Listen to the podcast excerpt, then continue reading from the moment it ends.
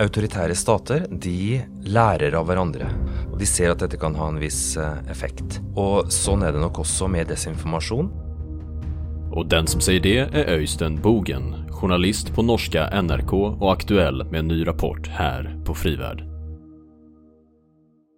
Ja, dagens säkerhetsråd har en alldeles speciell gjest, en långväga gäst ända från Oslo. Och vi ska prata kinesisk påverkan, vi ska prata det utifrån ett speciellt perspektiv. Hur den kinesiska statstelevisionen tar sig in i de internationella stora nyhetsförmedlarna Reuters och AP. Och med oss har vi Öystein Boge. Du är eh, journalist på TV2. Du ska snart börja ett nytt jobb i USA som korrespondent för norska TV2 och du har skrivit en rapport om det här för säkerhetsrådet eh, och Fri Värld. Berätta, vad har du tittat på? Ja, eh, det var vel sist eh, sommer at jeg oppdaget noe som jeg syntes var litt konstig. Og det var noe jeg oppfattet som en, en kinesisk statlig infiltrasjon, nærmest, av det jeg har kalt blodomloppet til internasjonal nyhetsformidling på TV. Eh, saken er at eh, begge de to store ledende nyhetsbyråene i verden, AP og Reuters, har da egne tjenester for andre TV-stasjoner, eh, hvor de da sender ut eh, bilder og ledsaget av metadata, tekst, slik at TV-stasjoner rundt omkring i verden kan lage TV-nyheter på sine egne språk av bilder de selv ikke har. Og på disse utsendelsene så la jeg merke til at det var et uh, veldig stort antall um, items, altså saker, uh, fra Kina, som da hadde sitt opphav hos CCTV, som er den kinesiske statlige kringkastingsorganisasjonen med over 50 kanaler, sender ikke bare på kinesisk, men også på minst sju andre språk. De hadde da altså et, en stor mengde material på det vi kaller feeds hos disse nyhetsbyråene. Uh, og um, det mest oppsiktsvekkende med det var jo at uh, disse items de går da ut på disse nyhetsbyråene uten noen form for redaksjonell kontroll. Uh, og da skulle man jo tro at det ikke var så farlig, det som var på disse eh, items fra, fra, Kina. Men det jeg har oppdaget gjennom mitt arbeid, at det, man finner der store mengder desinformasjon, eh, direkte propaganda og av og til eh, direkte falske nyheter. Mm. Vi skal gå inn på innholdet i hva du hittade i de der eh, om en liten, liten stund. Men jeg tenkte at vi skal hjelpe tittarna og lyssnarna i, i det her fallet då, att förstå tv-verksamheten fungerer. Därför att det är ju som du säger då att, att det här är blodomloppet i den internationella nyhetsförmedlingen. För det är ju som så att en, en norska TV2 eller svenska TV4, SVT har ju inte korrespondenter på plats och kameramän på plats på allting som händer i världen. Och det är de här källorna som förser då, då Stockholm og Oslo med, med material. Men, men hur, hur har kineserna kommit in i det här? Ja, dette skriver seg fra en avtale som eh, CCTV i Kina gjorde med AP og Reuters tilbake i 2011. Eh, da kom det ut et dekret fra det kinesiske kommunistpartiet om at eh, man skulle knytte kontakter rundt omkring i verden og forsøke å få kinesiske nyheter, kinesisk kultur, ut. Og som et ledd i dette så ble det da inngått avtaler med AP og Reuters, hvor da Kina betalte penger for å få sine innslag på disse internasjonale nyhetsfeeds. Så de store internasjonale nyhetsbyråene tar imot penger og gir da en, en gräddfil for den kinesiske kommunistpartiets leninistiske propaganda i verden? Ja, det er så her det funker.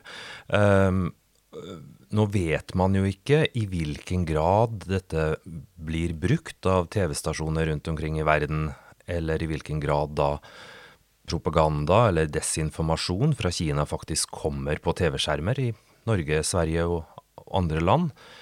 Men bare det faktum at det finnes der, er jo en fare eh, på den måten at det kan skje ulykker i eh, redaksjonene, eller man har medarbeidere som rett og slett ikke skjønner hva dette er. Og det har nok også vært min erfaring at uh, veldig få av mine kolleger har noen gang reflektert over dette kinesiske innholdet, og har ikke tenkt på det at dette her er faktisk ikke redaksjonelt innhold som man kan stole på. Men borde inte då byråerna märka upp det här som om det vore till exempel annons eller, eller annat sådär? Eh, och det görs inte i de här systemen, utan då ser det ut som att det skulle kunna komma från, att det är likvärdigt som om det skulle komma från, från norska TV2 eller svenska TV4 eller SVT. Jo da, de merker det. Eh, det står såkalte disclaimers både på eh, den medfølgende tekstfilen som beskriver hva, hva storyen handler om, så vel som på videodelen eh, at dette her er CCTV-materiale, og at byråene ikke tar noe ansvar for det som kommer der.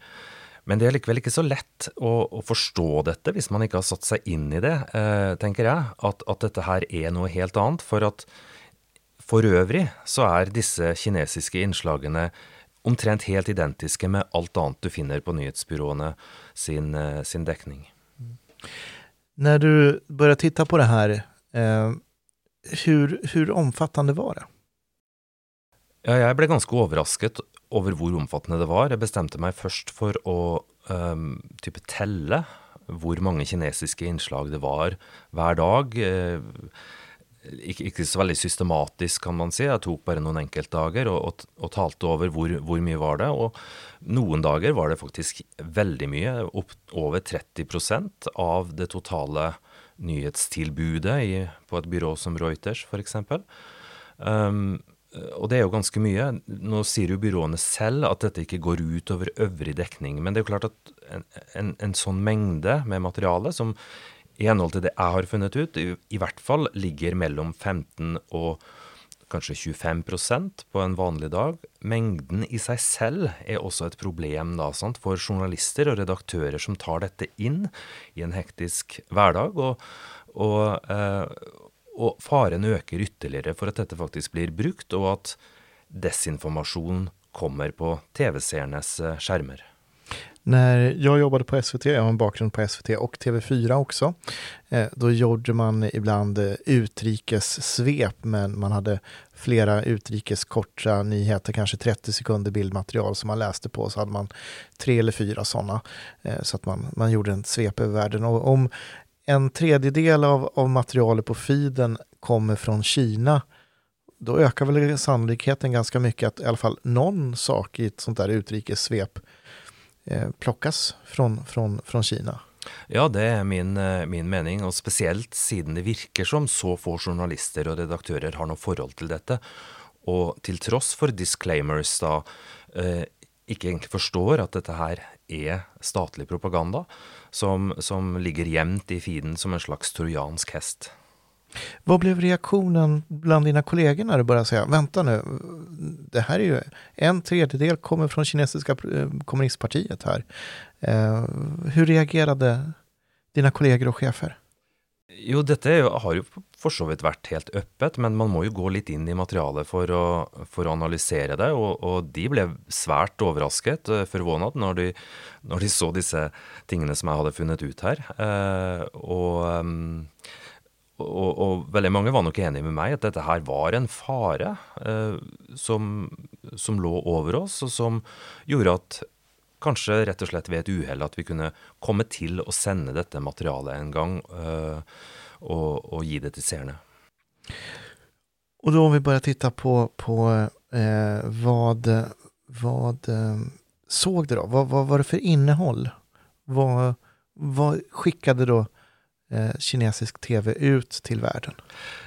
Ja, eh, kanskje jeg aller først skal få lov til å bare si at jeg har jo jobbet i, i TV-nyheter i over 20 år. Og har jo sett dette CCTV-materialet helt siden det begynte å komme i 2011. Eh, men mitt inntrykk på den tiden, eller i veldig mange år, har vært at dette her var ganske uskyldige ting. Helt opp til ganske nylig.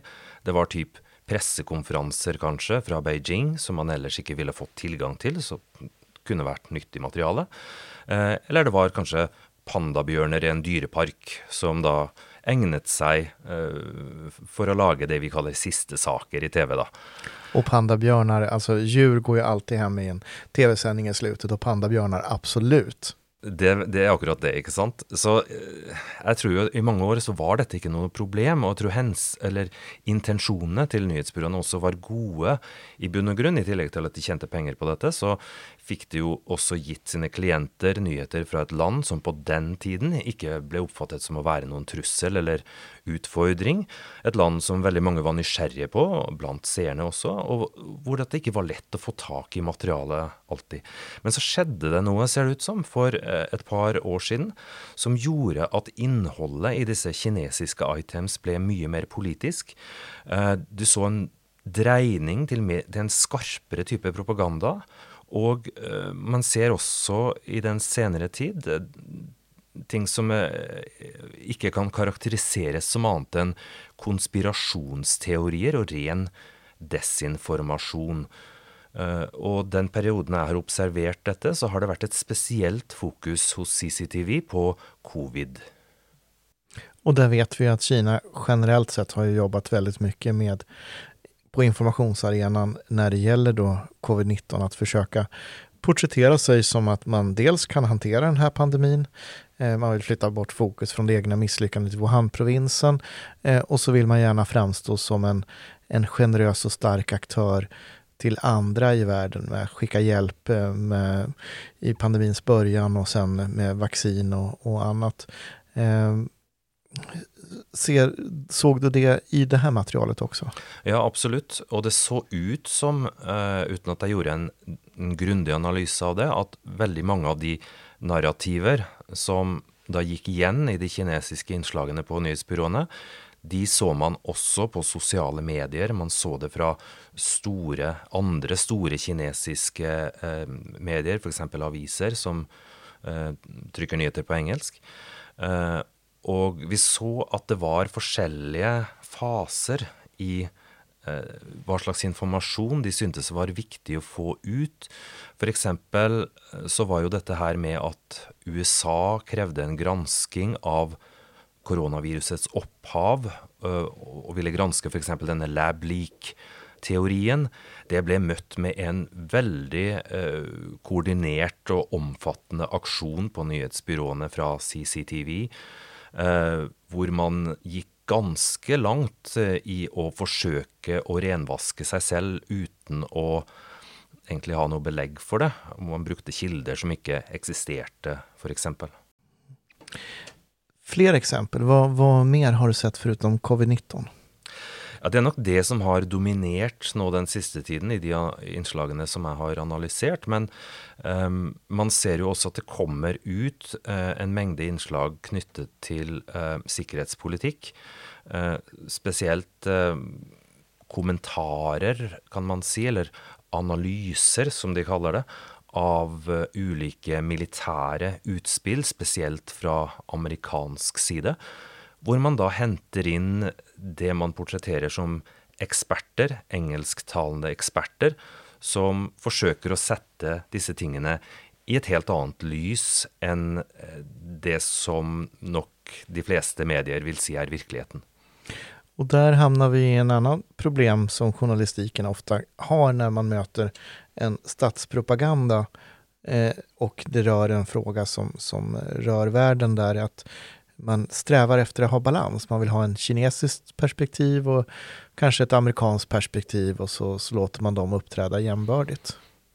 Ja, eh, og dette er ting man jo har sett tidligere når vi har snakket f.eks. For om forholdet til Russland, og, og, eh, de tingene Russland har foretatt seg i Ukraina, hvor man da lenge kanskje hadde en veldig lav bevissthet i redaksjonene for hva det var egentlig Russland drev på med, som jo viste seg å være desinformasjon, f.eks. For i forbindelse med invasjonen av Krim i 2014. Mm. Og for de svenske lyttere som ikke kjenner til deg, Øystein, så er jo egentlig Russland det du har syslet mest med og analysert og tittet på og bevaket for, for norske TV 2, hvordan Russland påvirker rysk informasjonskrigføring. Eh, hur, hur likt skulle du säga, tycker du att Kina har blivit Ryssland i det här avseendet? Ja, jeg tror det at uh, autoritære stater de lærer av hverandre. De ser hva eh, sine vennligsinnede eh, kolleger eh, over grensen gjør, og de ser at dette kan ha en viss eh, effekt. Eh, og sånn er det nok også med desinformasjon, som, som nå kanskje i økende grad begynner å komme fra Kina. Man har sett at Russland har hatt en enorm suksess med det de har holdt på med gjennom sosiale medier, gjennom sine statlig kontrollerte TV-kanaler som RT f.eks. Uh, og man har forsøkt å komme inn i et, noe, noe som ligner på det, men der tror jeg ikke Kina helt har klart det. Verken på sosiale medier eller gjennom ordinære sendinger som de da har på CCTV på engelsk i, i ulike land. Uh, denne muligheten de har fått med å rett og slett plante en trojansk hest inne i de internasjonale nyhetsbyråene, eh, må jo oppfattes som en veldig stor suksess også i Moskva. Eh, og det er jo en av de tingene jeg peker på i min rapport, at hvis Kina klarer det her, hva, hvorfor skal ikke Russland eller Iran på samme måte klare å kjøpe seg inn i den internasjonale nyhetsstrømmen? Det burde da bare være en tidsfråga med tanke på AP og Reuters affærsmodeller? Ja, vi vet jo ikke hvor viktig denne inntektsstrømmen er for, for, byråene, og det kan vel hende at de begynner å tenke seg litt om nå, i, i den grad de overhodet ser på disse innslagene de selv sender, sender ut. Eh, så det, det, får egentlig fremtiden vise. Har du noen oppfatning om hvor mye penger det her handler om? Nei, ikke i det hele tatt. Mm. Dette er nok eh, forretningshemmeligheter. Men eh, inntrykket er nok at dette her er en veldig velkommen inntekt eh, i en situasjon hvor det jo er en beinhard konkurranse mellom nyhetsbyråer internasjonalt for å, for å ikke bare overleve, men også å, å, vokse. Eh, så, så, jeg tror dette kan være en ganske viktig del av det. Men jeg vil også legge til at det hender jo også at, at disse nyhetsbyråene sender ut annet kommersielt innhold. De kalles da Eh, VNRs, Video News Releases, hvor da typisk sett et PR-byrå produserer video og tekst på vegne av et, eh, et selskap, et firma, et internasjonalt firma f.eks., i den hensikt å komme med et kommersielt uh, budskap. Men likevel så er denne, denne, denne, innsatsen som CCTV driver med på, på disse feedene, den, den må karakteriseres delvis som det, men også som noe enda verre, siden at det, her er det tross alt snakk om politisk kommunikasjon ganske gjennomgående. Burde ikke det här skada AP og Reuters eh, rykte og fortroende?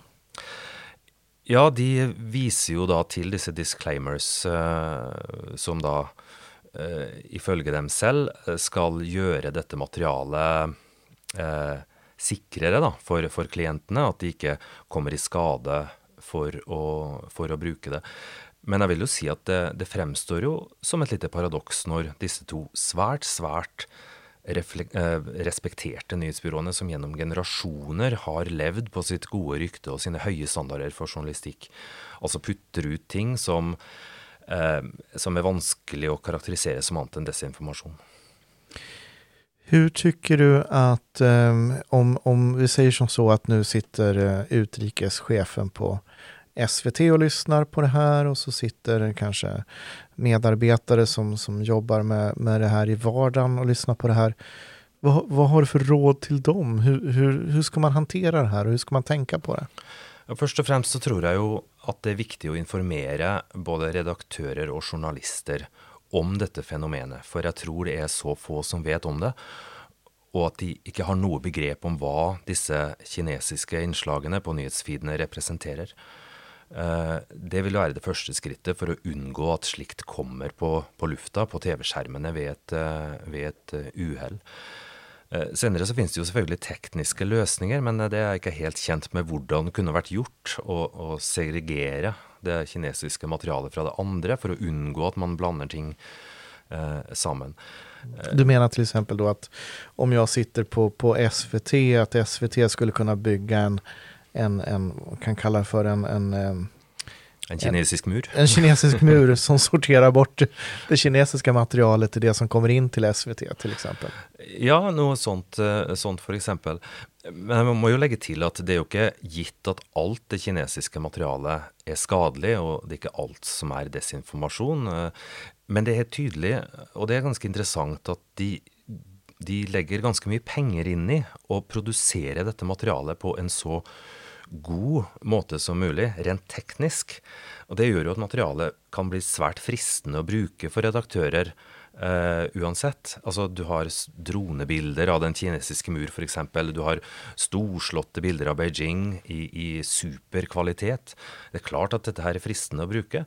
Um, og det er jo en ting som jeg mener kanskje trenger mer forskning også.